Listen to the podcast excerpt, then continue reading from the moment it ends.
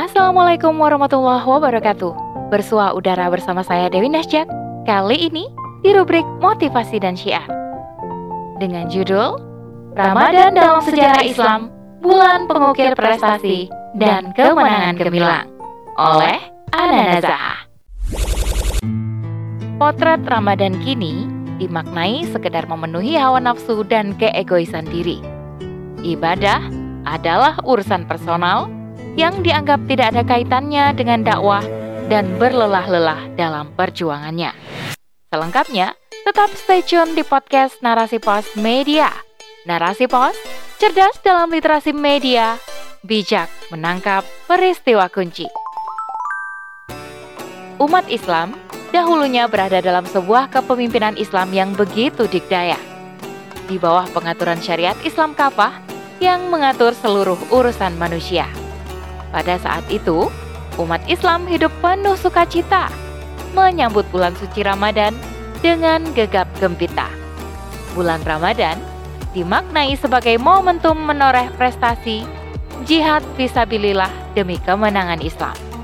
Hal ini tercatat dalam sejarah peradaban Islam pada awal mula tegaknya daulah Islam di Madinah.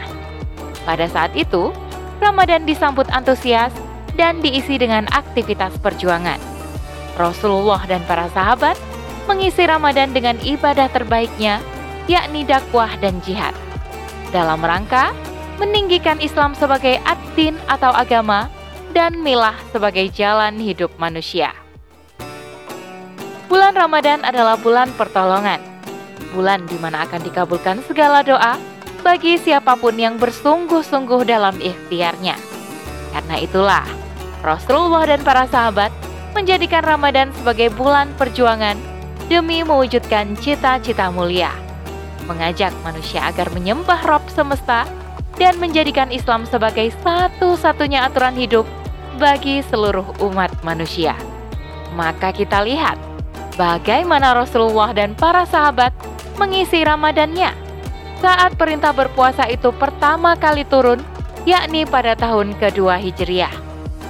Rasulullah telah memimpin 300 pasukan muslim ke Badar Al-Kubro, jihad fisabilillah demi menjemput kemenangan Islam. Dan itu terjadi tepat di hari ke-17 bulan Ramadan, peristiwa besar yang begitu heroik dalam sejarah dunia. Rasulullah dengan 300 pasukan muslim dengan persenjataan seadanya berhasil mengalahkan seribu tentara musuh dengan persenjataan lengkap. Tidak hanya itu, di Ramadan tahun kelima Hijriah, Rasulullah dan para sahabat menghadapi gempuran pasukan gabungan yang dipimpin Quraisy dan Ghatafan. Dalam keadaan berpuasa dan cuaca dingin menusuk tulang, kaum muslim harus membangun parit yang besar yang membuat energi terkuras. Berkat keyakinan dan kesungguhan serta doa-doa yang tiada henti dipanjatkan, 25 hari setelahnya, Allah sendiri yang menghancurkan pasukan Ahzab tersebut dengan memorak-porandakan perkemahan mereka dan membuat mereka lari ketakutan. Sejarah juga mencatat prestasi lainnya yang diraih umat Islam pada bulan Ramadan. Di antaranya ada perang Tabuk, Futuh Mekah, masuk Islamnya seluruh Bani Hamdan, pembebasan Andalusia dan Bosnia, Herzegovina, dan masih banyak prestasi lainnya yang ditorehkan sejarah. Semua itu terjadi di bulan Ramadan dalam keadaan kaum muslim menjalankan ibadah puasanya. Masya Allah, begitu banyak prestasi dan kemenangan yang telah ditoreh umat selama menjalani Ramadan dalam sistem Islam. Hal itu karena kaum muslim sangat memuliakan bulan Ramadan sehingga melihat Ramadan adalah momentum untuk mencapai hal-hal besar.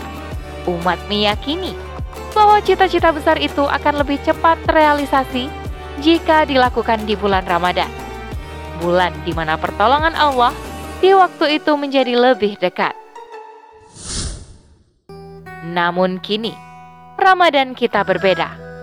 Sepi dari prestasi dan aktivitas mulia, liberalisasi pemikiran telah menggeser peran syariat sebagai tolak ukur umat dalam memaknai hakikat Ramadan yang sebenarnya.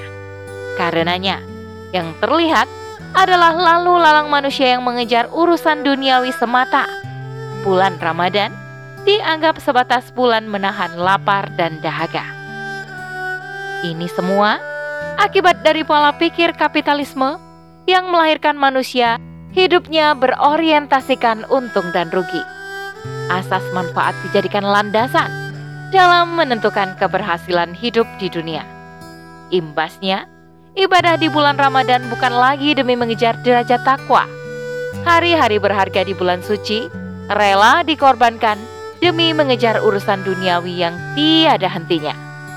Jika kita perhatikan, sejatinya mayoritas umat yang hidup dalam sistem sekuler belum memahami hakikat ibadah puasa di bulan Ramadan.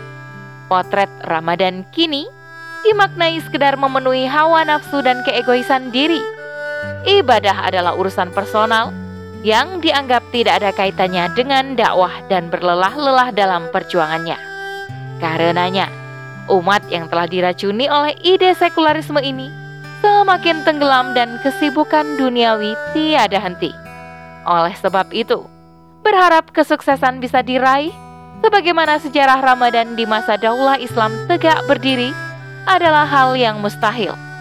Meski masih berakidah sama, tapi landasan berpikirnya jauh berbeda. Umat terdahulu, landasan berpikirnya hanya Islam. Apa pun aktivitasnya, diniatkan lillah sehingga lahir dari generasi yang tidak egois. Seluruh pemikiran umat waktu itu diisi dengan tanya bagaimana caranya bangkit dan memuliakan Islam. Sementara generasi hari ini tolak ukur perbuatannya adalah manfaat yang melahirkan sikap egosentris. Fokus hidupnya hanya untuk kesejahteraan dan keuntungan diri sendiri, kelompok, atau jamaahnya saja. Karena itu, berharap pada generasi liberalis egosentris untuk bisa menghasilkan prestasi selayaknya generasi terdahulu adalah impian semu yang tak mungkin terwujud.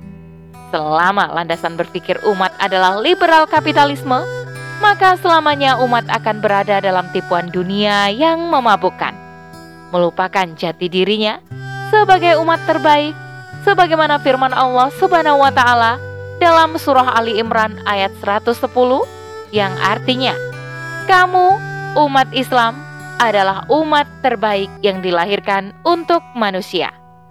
Dari sejarah umat Islam, kita belajar generasi berdaya hanya dilahirkan oleh sistem Islam yang berjaya Sebaliknya, umat akan mengalami kemunduran saat meninggalkan hukum-hukum Allah sebagai aturan hidup bernegara.